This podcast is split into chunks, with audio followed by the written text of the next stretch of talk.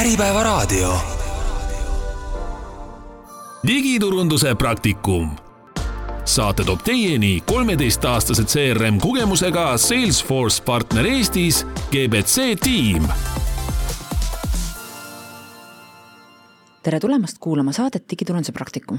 tänases saates kuulame kahe ettekande salvestust septembris toimunud digiturunduse aastakonverentsilt Best Internet. saate esimeses pooles räägib Priit Kallas digiturunduse tööriistadest, mis aitavad digiturundajate tööd tulemuslikumaks muuta. saate teine osa keskendub küpsistele, mille avab kuulajate jaoks Omnicom meedia digivaldkonna juht Angelo Mauri. mõnusat kuulamist! tere, siis see pilt on mu töölaud ma istun seal tunde ja tunde ja siis nüüd ma räägin selliseid tööriistu, mida ma seal ise kasutan. Äh, mõned on spetsiifiliselt minu enda töö, nagu Hando just mainis, et sisu loomine pidi olema väga kuum ja uus niisugune teema, mida, mida teha. ja see on noh, meie tegelikult kõigi, kõigi põhitöö, et sul see algab mingit sorti võib-olla artiklist ja siis see läheb levisse mingitesse sotsmeediakanalitesse ja meiliturundusse ja nii edasi ja nii edasi et eh, nagu, nagu Hando ütles, siis ma olen seda teinud juba päris mitu aastat. esimest korda ma hakkasin turundusega tegelema tuhat üheksasada üheksakümmend kuus aasta esimesel jaanuaril ja siis eh, sellest ajast peale ma olen reklaamiagentuuri juhatanud ja digi, digiagentuuri juhatanud ja täna ma tegelen siis sellega, et eh, no samamoodi ma teen digi turundusasju ja, ja otsin endale võimalusi, kuidas seda võimalikult hästi ja äh, kiiresti teha. sest et äh, minu üks peamiseid neid pointe, mida ma taga ajan, on see kõige tähtsam tööriist, millest ma teile täna räägin, on kasumiaruanne ja see on kõik juba äge, igasugused bling tööriistad ja ma vaatasin, kui palju ma maksan tööriistade peale iga kuu raha või siis aastas tuhandeid ja tuhandeid eure, siis kui see raha nagu tagasi ei tule, siis on see tegevus mõttetu ja seal ongi siis see küsimus, et äh, iga tegevus, mis teil on, selle taha pange raha. ja siis tulevad mingid tüübid, kes ütlevad, oo, aga seda ei saa mõõta ja see on kõik kohutav ja nii edasi. vot noh, näiteks brändingu kohta käib see tihti ja miks bränding, miks bränd vajalik on? mis on brändi tulem? ja mõned arvavad, mingid soojad pehmed tunded ei ole, see on raha. kui sul on tugev bränd, siis sa müüd rohkematele inimestele, sa saad ühe inimese käest rohkem raha võtta sama asja eest, mille eest mittebränd võtab vähem. ja siis samamoodi need inimesed ostavad sinu käest rohkem.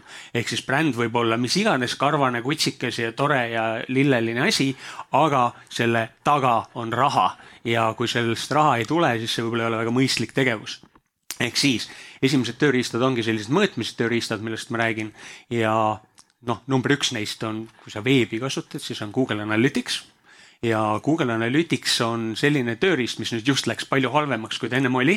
kunagi oli väga hea Google Analytics, nüüd tuli GA4, mis ei kõlba mitte kuhugi. see on minu arvamus ja mõned arvavad teistmoodi, aga ikkagi on nii.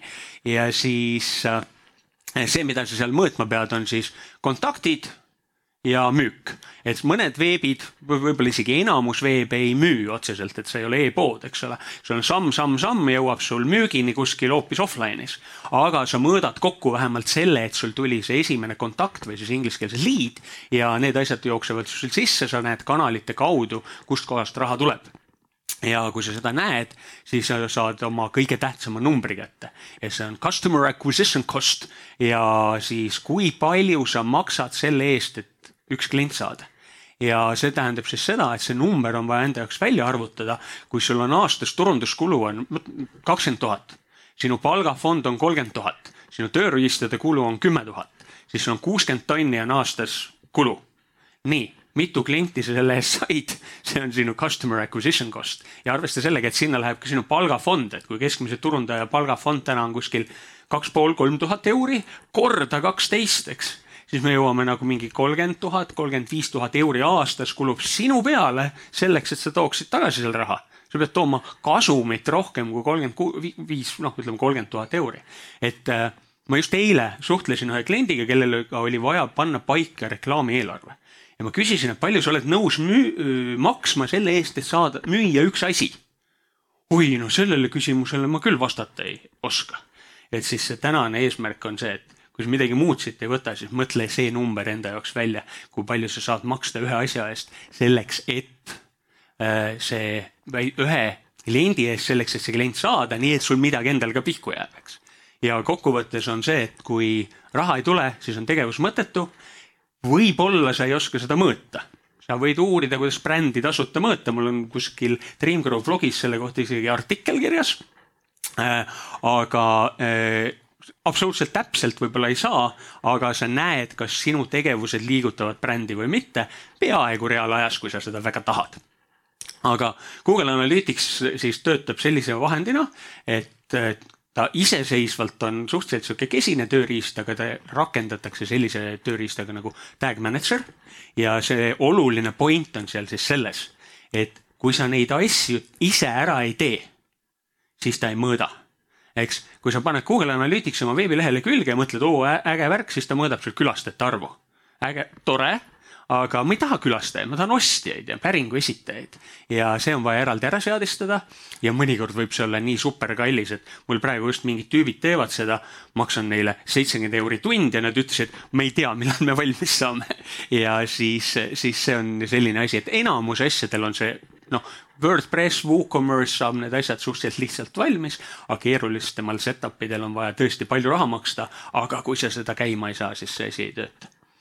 teine mõõtmise asi, mida vaadata ja ma olen tähele pannud, et paljudel on tegemata, on Google Search Console ja see on see koht, kus Google ütleb sulle, kuidas sinul Google'is läheb Google'i tulemused on kõik personaliseeritud. Sa võid võtta selle incognito akna lahti ja mõelda, oo nüüd ma näen, millised Google'i tulemused on. ei, ei, ei, ei näe, su IP aadress on ikka see ja su brauseri nimi on ikka talle näha. ja selle tõttu siis, kui sa tahad teada, kuidas sul Google'is läheb, siis selleks on vaja seadistada Google Search Console ja sealt sa hakkad nägema, mida eh, millega sa tegelikult Google'is välja tuled ja siis nende pealt tegid oma seo strateegia ja selle seo strateegia point siis on selles, et hakkame kõigepealt tööle nende asjadega, millega on võimalik kohe tulemusi saavutada. nii et seda raportit vaadates või Google Search Console'it vaadates minu soovitus, tehke tööd nende teemadega, millega sa oled juba Google'is mingi tulemuse saavutanud. et kus sa oled, ütleme viies kuni viieteistkümnes, sest et kui sa saad ennast kaheteistkümnendast kuuendaks, sul külastus mitmekordistub kui sa saad ennast kuuekümnendast kahekümnendaks, noh, tõus nagu nii äge ju, aga tulemus väga ei muutu, et seda tasuks tähele panna. See on tasuta tööriist, pane käima ja kellel ei ole käimas, siis pane käima, kui sul on see olemas, siis veendu, et sa vaatad sinna kord kuus sisse. Ja kui sa teed oma sisu loomisplaani, et sa teed seda plaani selle põhjal, et need asjad, mis sul juba on üles tulemas, tuleksid kiiremini üles. kui sa tahad teada, milliseid märksõnu kasutada, siis vot see on see koht, kus noh, ma tunnen, et ma jagan seda seo värki enam-vähem ja siis äh, see on see, mida ma ei anna väga chat GPT-le teha, sellepärast et kui sa küsid chat GPT käest seo asju, siis ta räägib sulle mingit üldsõnalist mulli põhimõtteliselt kui sa kasutad neid, mis ta oli, seo midagi, midagi ai eh, ehk siis laiendeid või extension eid, siis see läheb paremaks, aga seda ei tee chat GPT. chat GPT küsib kuskilt andmeid ja siis analüüsib neid. nii et kui sul on puhas tasuta chat GPT või ei kasuta plugin eid, siis um, sealt sa nagu seo tööd otseselt kätte ei saa aga tasuta vahendid, Google'i enda küljes on tasuta vahendid. see esimene seal on autosuggest hakkad oma sõna sisse kirjutama ja vaatad, mida Google ütleb. Google soovitab sulle neid sõnu, mida inimesed kõige rohkem otsivad, sest Google'i eesmärk on anda inimestele võimalikult kiired vastused ja kui mina otsin autoremont, siis ta ei paku mulle sinna präänikud või lumememm, eks. Nad pakuvad mulle neid sõnu, et noh, mingid linnad, mingid valdkonnad, see hooldus, nii edasi, see on üks asi. sellest autosuggest'ist sa saad oma esimese portsu märksõnu, siis kõige all. Ehk siis tulemuste lõpus on selline asi nagu related searches või seotud otsingud. Ja sealt see, sealt seest sa saad oma teise komplekti märksõnu. Ja nendega saad juba hakata tööd tegema, et see töötab eesti igas keeles, mis keeles sa sellega toimetad.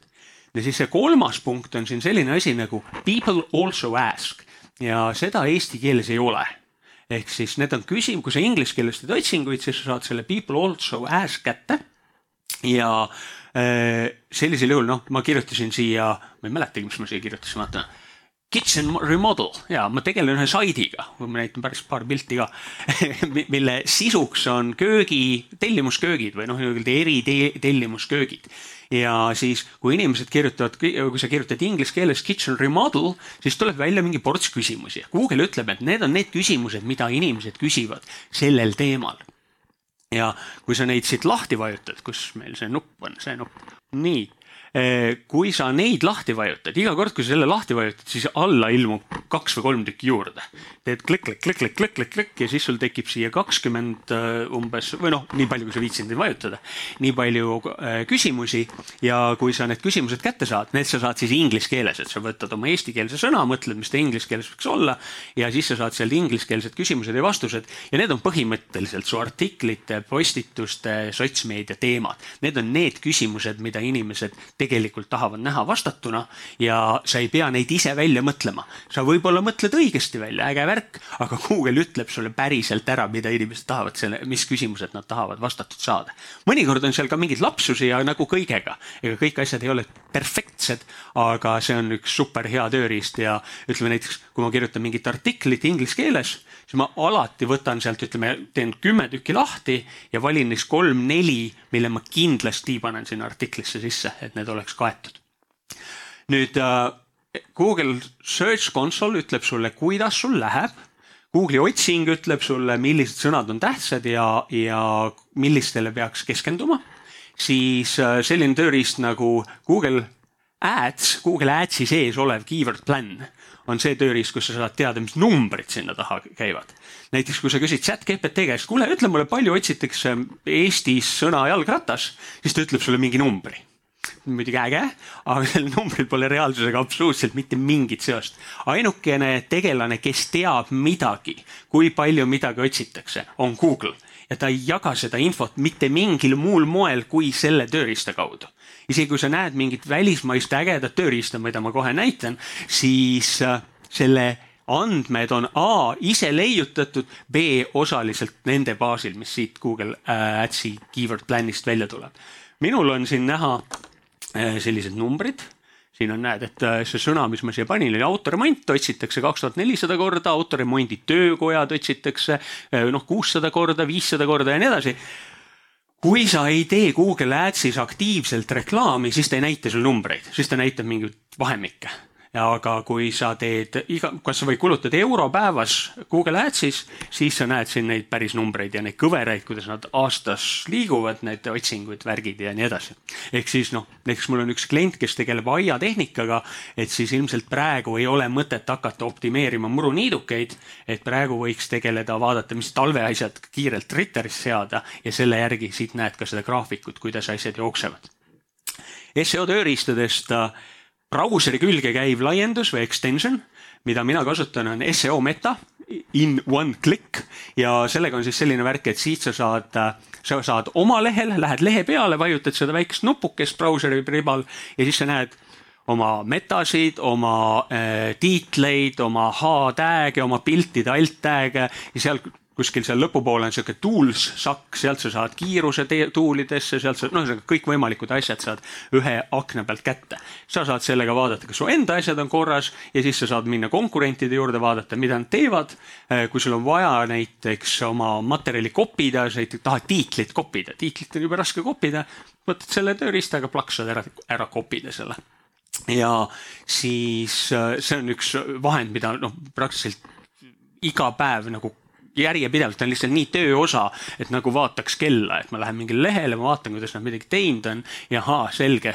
sealt noh, ütleme, kui sa natukene juba mingit seo värki jagad, siis sa hakkad aru saama, kas see leht, mida sa parasjagu vaatad, kas need tegelased saavad aru, mida nad teevad näiteks, eks? No ma mainisin, et peamine töö märksõnadega tuleb Google'ist, Google Search Console'ist ja Google Adsi keyword plan'ist, siis on selline tööriist olemas nagu Ahrefs ja see on see, mis võtab, ma ei tea, enamus mu pagana rahast, mis mul tööriistade peale läheb, see on nagu jube kallis. aga siis äh, sellel on äh, väga hea märksõna tööriist. ja kui ma Eestis toimetaksin üksiku turundajana, turundades autoremondifirmat, siis ma ei ostaks seda aga kui sa teed mitme asjaga või suure asjaga paljudel turgudel tööd, siis on see hea tööriist ja siis see ilmselt on üks, üks peamisi tööriistu, mida selles valdkonnas kasutatakse kaks asja, mis on, mida Ahrefs teeb hästi, üks on siis Keyword Explorer, kus sa saad nagu väga-väga-väga-väga süviti minna märksõnadega ja teine pool on siis backlinks ehk siis seo kõige tähtsam asi on see, et sulle keegi viitab. kui keegi sulle ei viita, siis sa oled nagu üksik saar internetis, kuhu ei ole ühtegi teed ja iga viide sulle on sisuliselt nagu hääl, et see on normaalne sait. ja nüüd Äh, Ahrefs on kõige kõvema linkide andmebaasiga tööriist, mis on internetis saadaval. Ja seetõttu siis äh, puhtalt, sealt saab isegi mingi, mingi seitse dollarit seitse päeva, et saad tõmmata oma, oma, äh, oma linkide raporti alla ja kõikide konkurentide linkide raporti, aga mida sellega peale hakata? sa tõmbad alla konkurentide linkide raporti, vaatad läbi, kes neile viitavad. Ja sealt sa saad aru kas noh, näiteks sa näed, et ähm, äh, sinu konkurendist räägitakse Äripäevas, aga sinust ei räägita. no maksame siis Äripäeval raha ja ostame sealt artikli ja et seal sees on link meile, siis me oleme võrdsed. et tasanda kõik need lingid ära, mis sul konkurendil on ja mida sul on ka võimalik saada, siis te olete selles kohas tasa ja siis sa saad hakata edasi minema kuhugi paremasse kohta kui su konkurent. nüüd natuke ai maailmast, et kui me kõik nüüd, me teame, meil on märksõnad olemas ja juba enam-vähem on aimu, mida me tegema peaksime, siis on üks eriti spetsiifiline seo tööriist, mis on nagu super special ainult seo jaoks ja äh, seda ma kasutan ingliskeelsete tekstide tegemiseks igapäevaselt eesti keele tekstide peal natuke vähem, sest hämmastaval kombel ma ei osa teksti kirjutan veel ise. Aga siis see on äh, tõenäoliselt, kui me inglise keelest räägime, siis kõige parem tekstikirjutaja üldse. ja siin on niimoodi, et sa annad talle ette oma märksõnad ta läheb, käib, vaatab läbi, kes praegu sellega on Google'is esimene, siis ta kasutab seda chat GPT nelja, seda kolmkümmend kaks K, see tähendab see kõige võimsamat mootorit ja laseb see kõik need andmed sellest mootorist läbi ja tuleb sealt tagasi sellega, et sinu artikkel võiks olla selline selleks, et võita neid, kes praegu on Google'i top ten'is kogu see pull on jälle kallis, üks artikkel, kui sa ostad ühe artikli, maksab kakskümmend üheksa dollarit, ma arvan ja siis, aga noh, kui sa ostad neid, näiteks ma ostsin neilt mingi kakskümmend nagu nii-öelda seda krediiti, siis vist oli kakskümmend dollarit see üks artikkel. aga see artikliga on nüüd see värk, et noh, Eestis kiputakse arvama, et artikkel on sada sõna või siin või nelisada tähemärki või midagi taolist. siis eh, noh, ütleme, kui sa suurematel turgudel toimetad, siis tihti on nad kaks, kolm, neli A4 pikad, seesama, kui sa kuidas koera ravida tüüpi artikkel võib väga-väga põhjalik olla. ja kui mina oma töös seda hakkasin kasutama, siis see küsimus, et kas kellelgi veel tööd jagub kirjutajatena, see langes nagu väga-väga kiiresti ära. ja seal seesama asi, mida Teet ütles, et palka endale keeletoimetaja ta küll pakkus eesti keele toimetajat, vahet pole, mis keele toimetaja, et see keel, milles sa tööd teed, ai teeb selle valmis, toimetajale käib üle ja see no kümnekordistab produktiivsuse, et see on nagu nii uskumatult efektiivne. ja nüüd see tööriist ise on ultraspetsiifiliselt selleks, et tulla Google'is esimesena välja ja selle tõttu on ta ka kallis. samasuguseid võtteid loomulikult saad siis teha ka chat GPT-d kasutades siis, kas keegi on kasutanud Google Adsi või Facebooki, oo ägedad tööriistad, aga nende tööriistadega on see värk, et ja reklaami oskame me kõik seal teha või loodame, et oskame, aga siis äh, mida mina seal teen, on copy testing. Ehk siis kui mul on vaja, näiteks kunagi ma tahtsin ühele oma teenusele nime panna, siis ma panin jooksma viis reklaami, kus olid erinevad variatsioonid selle, äh, selle teenuse nimega. ja siis lasin seal mingi kaks nädalat joosta, siis vaatasin, mida kõige rohkem klikiti ja selle panin teenuse nimeks samamoodi noh, see oli Google Adsi keyword või siis nagu otsingureklaamis, kus on vaja pilti testida, kas kassi pilt või koera pilt, mees või naine ja nii edasi. sa võid visata oma sõnumid ülesse, lased nädal aega joosta kuskil Facebooki reklaamina sellel asjal ja sa saad sealt palju parema tulemuse tagasi, kui ise nagu kabineti vaikuses kuskilt välja kraapides ja mõtled, no mulle meeldivad kassid rohkem kui, kui koerad, eks. nii see on nüüd see osa, kuidas me sisu loome selles mõttes tekstilises osas. sellest tekstist võib saada artikkel või podcast või video või, või mida iganes. aga siis meil on seda graafilist materjali vaja. ja äh, Teet juba natuke mainis seda ja Kati, et, äh, et piltidega pole nagu midagi peale hakata või ühesõnaga ta ei ole, tõi ühe hea vahendi välja, mis oli Flair, aga, aga siis see vahend, mida ma ise igapäevaselt kasutan, kui mul otseselt tootepilte ei ole vaja siis äh, illustratsioonid. Ehk siis mitte see õige asi, ehk siis mul on vaja rääkida, meil tuleb äge üritus, seal pakutakse burgereid. äge värk, kas selline burger on kunagi olemas või kas keegi kunagi teeb selle burgeri, see on iseküsimus. aga illustratsiooniks siukseid vägevaid särtsakaid pilte väga palju teeb, tihti paneb jubedalt võsa vahele ja teeb mingi vigu ja igasuguseid selliseid asju, aga seal tasuks keskenduda sellele, et äh, kui sa nagu ütles, et, et ärge minge sinna, ärge noh, ühesõnaga seda saab mänguasjana ka kasutada ja lihtsalt aega kulutada, tore, kui see on sul ka hobi. aga et proovi just, et alati praktiline, seal alguses ma ütlesin, customer acquisition cost, iga minut, mis sa seal kasutad, teed tööd ilma produktiivne olemata, läheb su customer acquisition cost'ile otsa, eks. ja siis no siin eile tuli välja Adobe Photoshopi sees on nüüd päriselt siis selles päris versioonis on äh, generative fill ja ennem oli ta selles beeta versioonis, eile just update'is ära, tuli täisversiooni sisse. siin on kaks näidet, et see vasakpoolne, vasakpoolne on äh, tehtud äh, Midjourney'ga pilt sellele samale köögidisaini firmale, lihtsalt illustratiivne pilt, et kui on sellist värvi kapid, mis sellest saab. ja siis kui te näete, siis no ega see pagana ai ikka väga hästi aru ei saa, kuidas köök töötab, siin on mingi, mingid asjad. võib-olla need on mingid väga tähtsad asjad, mida lihtsalt minu köögis ei ole, aga et, et siis noh, nad nagu on veidrad. Ja, ja siis ma võtsin selle pildi Adobe'is lahti, tegin sinna kasti ümber, ütlesin remove the black objects.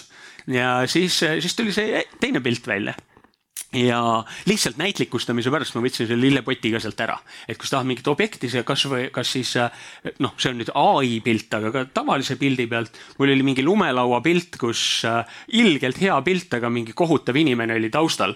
ja siis sellest puh läinud mägi täpselt nagu õige, nagu peaks olema ja nii edasi, et, et see, see on väga hea asi. nüüd Midjourney'ga saab teha ka selliseid asju, näiteks üks lemmikloomasait, hämmast mul ju, ju, sul oli ka koera näide, aga et äh, mul on üks artikkel, kus on kümme ägedat väikest koeratõugu. ja kõik need koerapildid, kaasa arvatud see siin, tuli siis sealt otse. Ja seda ta teeb hästi, aga kui ma üritasin teha, et pane nüüd kolm ühesugust koera või kolm erinevat koera ühe pildi peale, ma pool tundi jändasin ja pani ühe koera ja kaks koera ja kolm ühesugust koera ja sellega ei jõudnud kuhugi kui ma teen podcast'e, videosid, värke-särki, siis see on super hea tasuta tööriist on OBS Studios, soovitan seda kasutada see salvestab sul video ära, sa saad screencast'e teha sellega. ühesõnaga, ta on nagu, nagu ilgelt hea asi.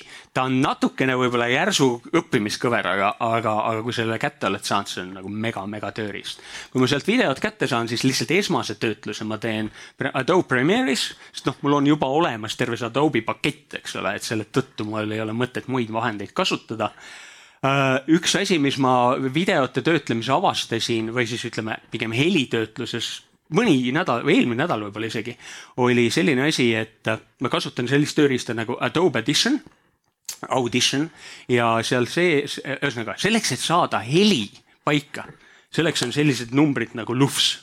ma sain sellest teada eelmine nädal ja enne mul oli mingi jõhker keeruline protsess, kuidas ma sain paika selle, et mul oleks heli korras ja nüüd on lihtsalt vajutan seda nuppu ja pumm, heli on kõik korras. et super, super lihtne asi ja, ja kui sul seda tööriista saad kasutada, siis see teeb sul elu, noh, vot minu, minu puhul võttis ikka kõvasti ma, nagu seda tööaega maha, mis ma heli toimetamise peale panin kui sul on vaja eestikeelseid sub-, supakaid saada, no sul on juba video olemas ja pikale materjalile subtiitrid eesti keeles vaja saada, siis see on Eesti tööriist et noh, äh, see on tõenäoliselt kõige väiksemate vigadega teeb seda asja. et nagu ka enne mainiti, et on olemas ka tööriistad välismaised, mis teevad eestikeelseid subtiitreid, aga et seal on hästi palju vaja toimetada, see on pagana hea, ütleme niimoodi, et võiks, võib katsetada. siis äh, kõik tööd, mida sa ise ei peaks tegema, tuleks välja outsource ida ja ilmselt äh, Eestisse mitte, Eestis on jube kallis tööjõud, et ilmselt tuleks otsida kuskilt, kus on odav tööjõud. ja siis äh, mina olen leidnud, et ühekordseid töid ma võtan Fiverrist ja pikaajalisi töid ma võtan Upworkist, et, et see on selline tööriist. midagi vaja, lähen vaatan, Fiverris on giig olemas, viskan sinna ülesse oma vajaduse, mille võib-olla kirjutab valmis chat GPT. ja siis, kui see chat GPT selle valmis kirjutab, siis ma saan sealt mingi portsu pakkumisi, valin ära ja mul on kahe päeva pärast mingi töö tehtud, mida ma võib-olla ise oleks mitu tundi teinud ja kulutanud oma kallist tööaega ja nüüd ma saan selle kahekümne viie euri või dollariga kätte nüüd chat GPT kohta küll äh, torimid mainisid, et jah, kes kasutab tasuta versiooni, aga et siis ikka proovige kuidagi. Anyway, tasuta versioon on käkk, seda ei ole mõtet kasutada, see ei ole see asi, millega tööd tehakse. kui sul on vaja lapsele midagi näidata, okei okay., kui sa tahad päriselt tööd teha sellega, siis lihtsalt äh, tasuline versioon. ja seal ei ole üldse nagu mingit küsimust ka tasuli- eh,, küll tasulise ja tasuta versiooni sees on sihuke funktsioon nagu custom instructions ja see on seesama asi, kus te rääkisite rollidest ja, ja sellest, kes sa oled.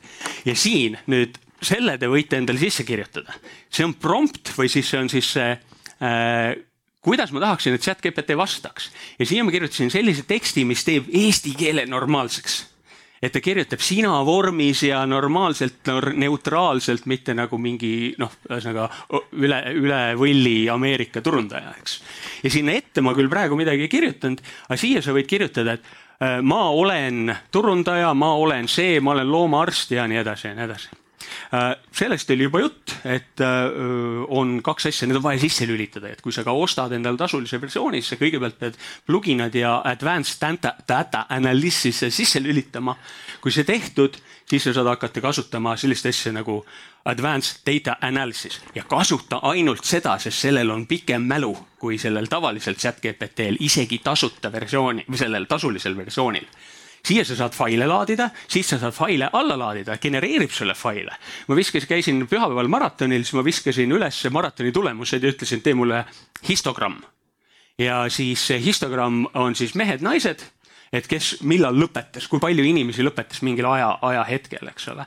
ja kuidas ma selleni jõudsin, oli see, et ma, ma alguses ütlesin, näe, siin on fail, ma ei öelnud mitte midagi selle faili kohta. ja ütlesin, tee mulle, ütle, tee, mulle midagi. Ja siis ta pakkus mulle välja, mida sellega teha võiks, et see oli päris hea. Kui nüüd pluginatest rääkida, siis äh, juba mõned toodi välja.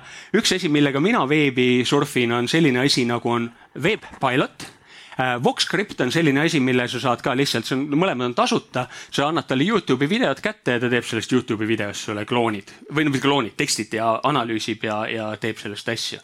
mida ma veel kasutan, on see PDF-i vaataja, äh, teadusartiklite refereerimine Wolfram oskab arvutada ja kui neid plugineid endid on umbes tuhatkond, siis see Zapier, sellega saad ühendada kõik maailma asjad põhimõtteliselt selle küljeni, et sul on nagu meeletult võimalusi kui sa lähed üks samm edasi, siis on sul olemas selline asi nagu äh, Google Sheetsi ühendamine chat-GPT-ga. kui sa lähed sellele aadressile, mis seal slaidide peal on, siis sa saad selle faili kätte ja äh, see tuleb endale copy teha. Teed sellest copy, paned sinna oma API võtme sisse ja siis saad seda kasutama hakata.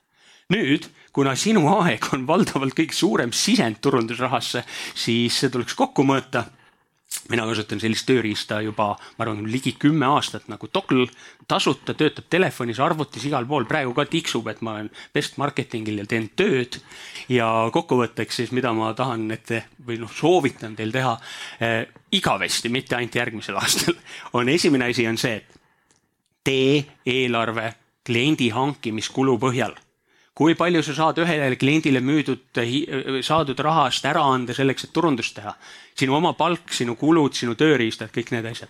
panin ühe raamatupidaja näite, võib-olla see aitab teil lihtsamalt arvutada seda enda jaoks välja.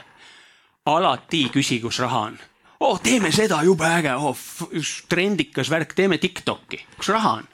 Et kui, kui okei okay,, katsetame, me ei tea, kus raha on, katsetame, kas tuleb, okei okay.. kui palju peab tulema, kuidas me aru saame, et me oleks nõus? et küsi igal juhul alati, kus on raha. ja viimane asi, noh, tuleme tagasi chat GPT juurde, on see, et elimineeri, noh, see on puhas protsessi optimeerimine, et lihtsalt ära tee töid, mida ei ole vaja teha. aga siis, kui sa hakkad mõtlema, mida saab chat GPT-ga teha, siis sa avastad ka töid, mida saab lihtsalt minema visata. ja kõik tööd, mida saab teha masin, peaks tegema masin ja kui keegi teeb mingi töö odavamalt ja kiiremini kui sina, siis anna see lihtsalt tema teha, sellepärast et muidu see on väga-väga-väga mõttetu tegevus. Priit andis väga hea sissejuhatuse sellest, kuidas iga meie tegevus peaks olema track itud, et me suudaksime viia kokku selle kulu, mis meil kulub teatud tegevuste peale ja selle, mis meil sealt ka tagasi tuleb. ja minu esitluse eesmärk on esiteks juhtida tähelepanu, et äh, üks asi on küpsiste luba küsimine, aga teine on see, kas me üldse tehniliselt saame neid kasutada ja kas nad üldse tehniliselt olemas on. ja enda esitluses ma kõigepealt räägin, mis asjad on üldse küpsised, miks nad on meile olulised ja, ja mis, miks üldse see teema hetkel on oluline, kogu see Cookieless teema, millised on lahendused ja siis ma annan lõppu mõned praktilised soovitused, mida kõik saavad loodetavasti rakendada. Äh, väga lihtsalt öeldes on küpsis üks väike andmehulk, mida veebileht hoiustab sinu arvutis.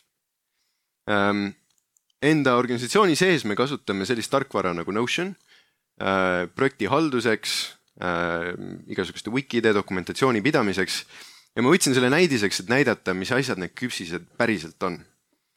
kui minna Notioni lehe peale, sisse logida, vajutada inspect ja siis minna küpsiste osa peale, et näha, millised küpsised on äh, salvestatud, siis tuleb ette umbes selline leht. iga rida siin on üks küpsis, mis on teie arvutisse salvestatud.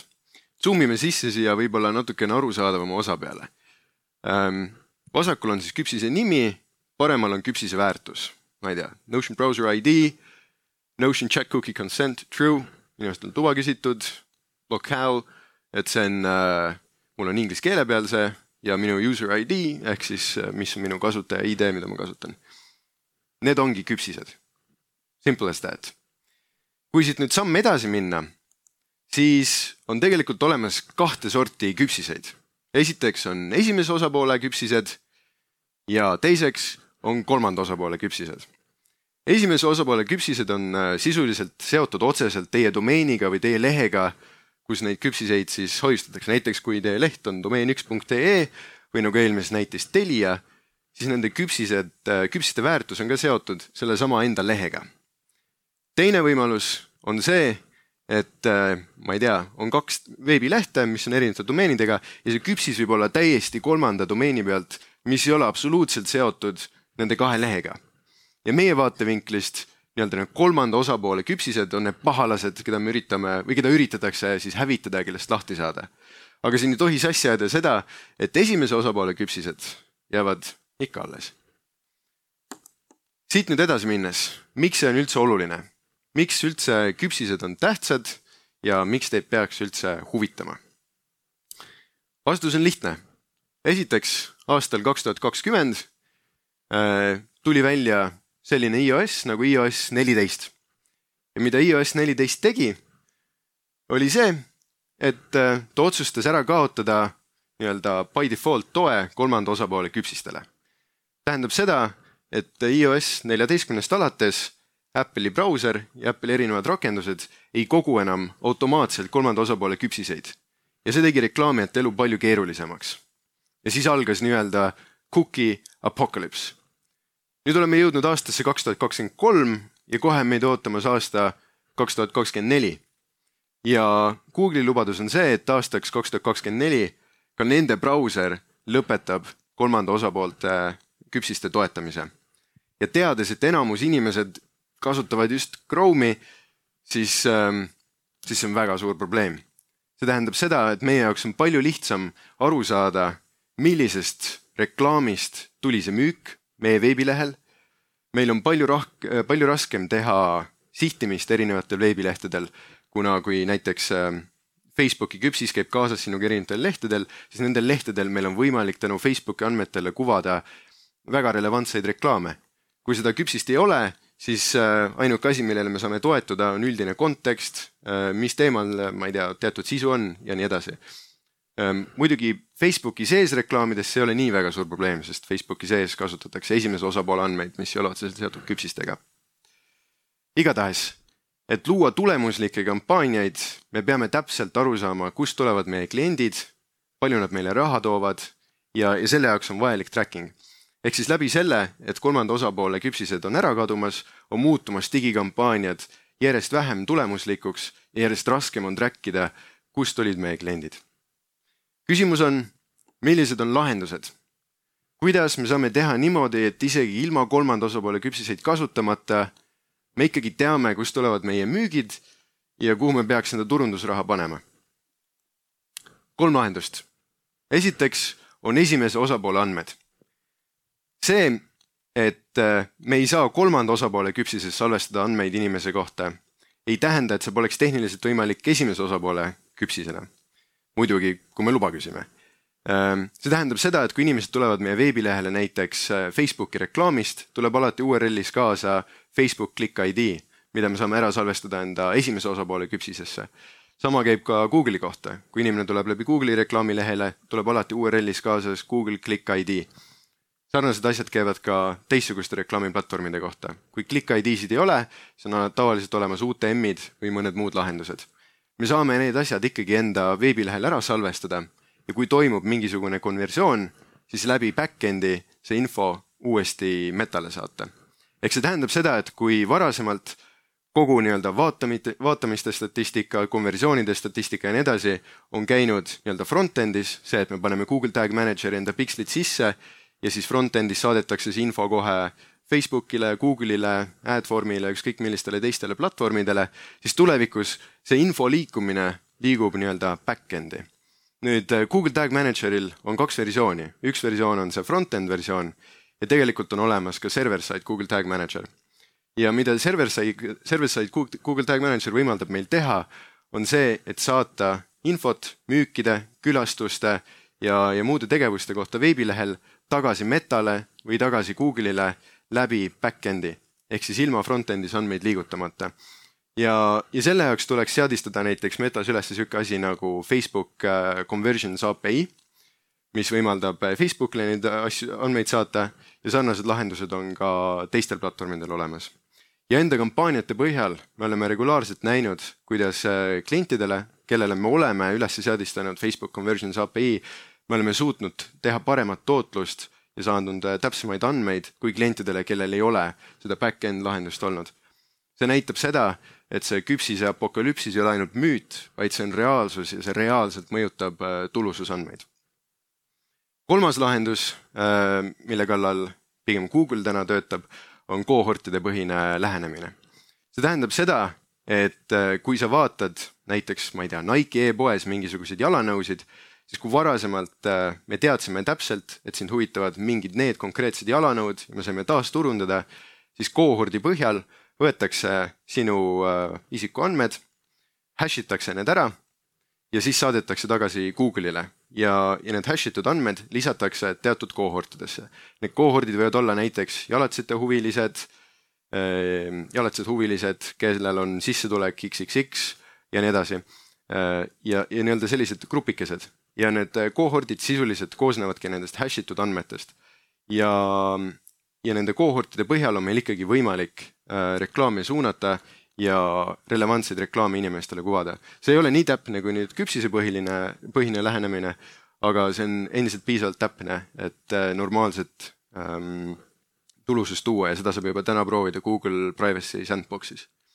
ja teine lahendus on sõrmejäljed. küpsised ei ole ainuke asi, mis meiega kaasas käib. Iga kord, kui te veebilehte külastate, tuleb teiega kaasa esiteks IP aadress, teiseks brauseri nimi, kolmandaks keel, mida te kasutate neljandaks teie operatsioonisüsteem, ekraani resolutsioon ähm, ja nii edasi ja nii edasi. ja, ja selle põhjal saab nii-öelda kokku panna sõrmejälje, et kes te olete ja isegi kui me ei tea sada protsenti täpsusega, äh, et see on just see inimene, siis me teame vähemalt väga suure tõenäosusega selle sõrmejälje põhjal, mis inimene on kes.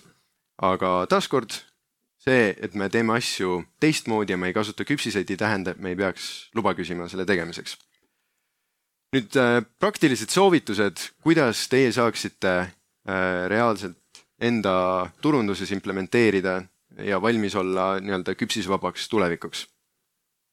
siin on minu kolm äh, soovitust. esiteks, hakake koguma esimese osapoole andmeid. kui teil on mingisugune veebileht, kus näeb mingisuguseid tooteid või mida iganes, üritage saada inimesed võimalikult ruttu sisse logima, registreeruma kasutajaks, et te hiljem saaksite juba user ID põhjal tegutseda, mitte lihtsalt äh, küpsise põhjal. ja see muudab äh, palju täpsemaks kogu tracking'u poole ja, ja annab palju täpsema ülevaate. teiseks, liigutage andmed, andmete saatmine serveri poole ehk võtke kasutusele Google Server Site Tag Manager seadistage üles Facebook Conversions API, tehke sama ka teistel reklaamiplatvormidel ja te suute, saadate ja te suudate endiselt äh, konversioone track ida ja, ja andmed enam-vähem täpselt kätte saada. ja kolmas asi on see, et kui meil ei ole võimalik piisavalt täpselt reklaamidega inimesi sihtida, aga meil on siiski olemas esimese osapoole andmed, siis võib-olla tuleks mõelda, kuidas me saame turunduslehtri alumises pooles rohkem keskenduda pigem äh, otseturundusele. et awareness faasis ei ole erilist vahet, äh, kas meil on küpsised või ei ole, sellepärast meie üldine eesmärk on sõnum laiali saada ja sealt kätte saada see pisike segment, kellel järgmiseid sõnumeid kuvada. sellepärast awareness faasis kontekstuaalne reklaam on, äh, on täiesti okei okay ja meil pole küpsiseid vaja. probleemid tekivad just funneli alumises otsas aga kui me suudame juba võimalikult varakult kätte saada esimese osapoole andmed, saada kätte email, saada kätte push notification'i äh, luba, saada kätte näiteks äh, telefoninumber, siis funnel alumises osas me tegelikult saame keskenduda otseturundusele, üles seada automatiseerimisi ja, ja sedamoodi ikkagi inimestele müük ära teha. lõppkokkuvõtteks tahan öelda seda, et küpsisvaba tulevik on tulekul, see ei ole hirmutamine see ei ole see, et käiakse ringi, räägitakse mingisugusest apokalüpsisest ja ah, vahet pole, niikuinii teen Facebooki adsi, praegu raha tuleb, enam-vähem kõik on normis, mis seal ikka, ei. sellega tuleb tegeleda täna, sellepärast et me oleme jõudnud juba septembrikuusse, kaks tuhat kakskümmend neli on varsti tulekul ja kaks tuhat kakskümmend neli juba esimeses pooles Chrome kavatseb äh, kolmanda osapoole küpsised välja lülitada. ja kõik need asjad, mis on toiminud tänaseni ei pruugi siis enam toimida. aitäh. aitäh, äh, meil on paar minutit aega. Äh, kuidas neid esi-, neid äh, esimese osapoole andmeid sa soovitad koguda, sest noh, ma, ma olen päris palju lugenud selliseid arvamusi just viimasel ajal, et need nii-öelda vanad head meetodid, umbes, et laadi alla meie mingi e-book või, või, või, või mis tahes muu asi, et see tõmbab ligi neid inimesi, kes tegelikult pole su tootest huvitatud, aga tahaks seda e-raamatut saada või hoopis seda auhinda, mis sa välja pakud, et need tegelikult ei ole üldse tõsised inimesed, et ja, ja järjest rohkem nagu eriti sisuturunduses soovitatakse, et võta kõik need väravad vahelt ära, et ära üldse nõua mingeid andmeid, las inimesed loevad su sisu ja see on hea bränding ja ja, ja, ja iga lisatakistus ja värav jällegi vähendab seda loetavust, et selline suhteliselt noh, vastukäiv või, või segane on see, et, et mis, mis sinu soovitused siin on um,? Ma ütleks, et niisugust universaalset kuldvõtit ei ole, kuigi äh, mida ma võin öelda meie kogemusest on see, et niisugused cheese'id, mingisugused lead magnet'id, et näiteks sul on äh, veebileht, inimene esimese kümne sekundiga saab mingisuguse pop-up'i, et pane enda email sisse, siis me saadame sulle viis protsenti sooduskoodi. üldiselt selliste asjade opt-in rate on ülimadal ja see võib isegi olla alla ühe protsendi, null koma null üks võib-olla isegi. et äh, pigem tuleks kuidagi läbi mõelda kuidas selle esimese osapoolte andmise, esimese osapoole andmete kogumine oleks kasulik ka kliendile. näiteks äh, üks e-pood, millega me töötasime, selle asemel, et saata meili peale see sooduskood, me ütlesime, et kui sa logid sisse, kui sa teed konto, siis me näitame sulle äh, spetsiaalseid soodushindasid, mis kehtivad sinule. ja läbi selle, et me ei küsinud talt lihtsalt emaili, et mingit äh, emaili listida saada, vaid panime ta registreeruma, et näha neid soodushindasid, mis talle kehtivad see protsent inimestest, kelle me tegelikult kätte saime läbi selle, tõusis meeletult ja läbi nende esipo-, esi, esimese osapoolte andmete me saime ka palju tulemuslikud kampaaniad talle üles seada. hea nõuanne äh,. siis äh, kui, kui rääkida nüüd äh, sellest, et, et nüüd küpsiseid nii-öelda kaovad ära, et sellest on tegelikult nagu päris pikalt räägitud. et siin on üsna, üsna paljud tehnoloogiaettevõtted on ehitanud siis erinevaid alternatiivseid platvorme, et nad ütlevad, polegi viga, et meil on hoopiski mingi platvorm, mis ühendab endas kõik Google'i ja Meta ja kõik muu ja ja, ja, ja tegelikult ei juhtugi midagi, et me saame täpselt samamoodi edasi jälitada, et mis sinu arvamus on, et kui head need alternatiivid on ja ja kas nendele saab loota? jaa, ma, ma olen ise ka neid äh, platvorme üpris palju timminud, käinud vaatamas ringi ja, ja mõned soovitused näiteks e-kaubanduse valdkonnast on selline platvorm nagu Triple Whale, millel on oma Triple Whale Pixel, mis keskendubki rohkem esimese osapoole andmetele ja hiljem back-end'is saadab siis äh, andmeid edasi äh, Metale ja teistele platvormidele, kuigi Triple Whale'iga on see, et see on, töötab hetkel ainult Spotify'ga, mitte teiste platvormide äh,, mis Spotify'ga, Shopify'ga, mitte teiste platvormidega, aga sarnaseid lahendusi on veel, aga üldiselt äh, behind the scenes, mis seal ikkagi toimub, on see, et need platvormid teevad selle back-end'is andmete edastamise reklaamiplatvormidele lihtsamaks või muretumaks, et ei peaks keskenduma nendele tehnilistele detailidele, mis ma siin äh, täna näitasin sellega täna lõpetame. aitäh kuulamast saadet Digiturunduse praktikum, kus täna kuulsite kahte põnevat ettekannet digiturunduse aastakonverentsilt Best Internet. saate esimeses pooles jagas Priit Kallas kuulajatele mitu tööriista digiturunduse töö tulemuslikumaks muutmiseks ning teises osas rääkis Omnicom meedia digivaldkonna juht Angelo Mauri klienditeekonna jälgimisest küpsiste järgsel ajastul. saade on järelkuulatav bestmarketing.ee veebist ja Äripäeva raadiokeskkonnast raadio.äripäev.ee. kuulake meid jälle nelja nädala pärast turundusuudiseid lugege bestmarketing.ee, kuulmiseni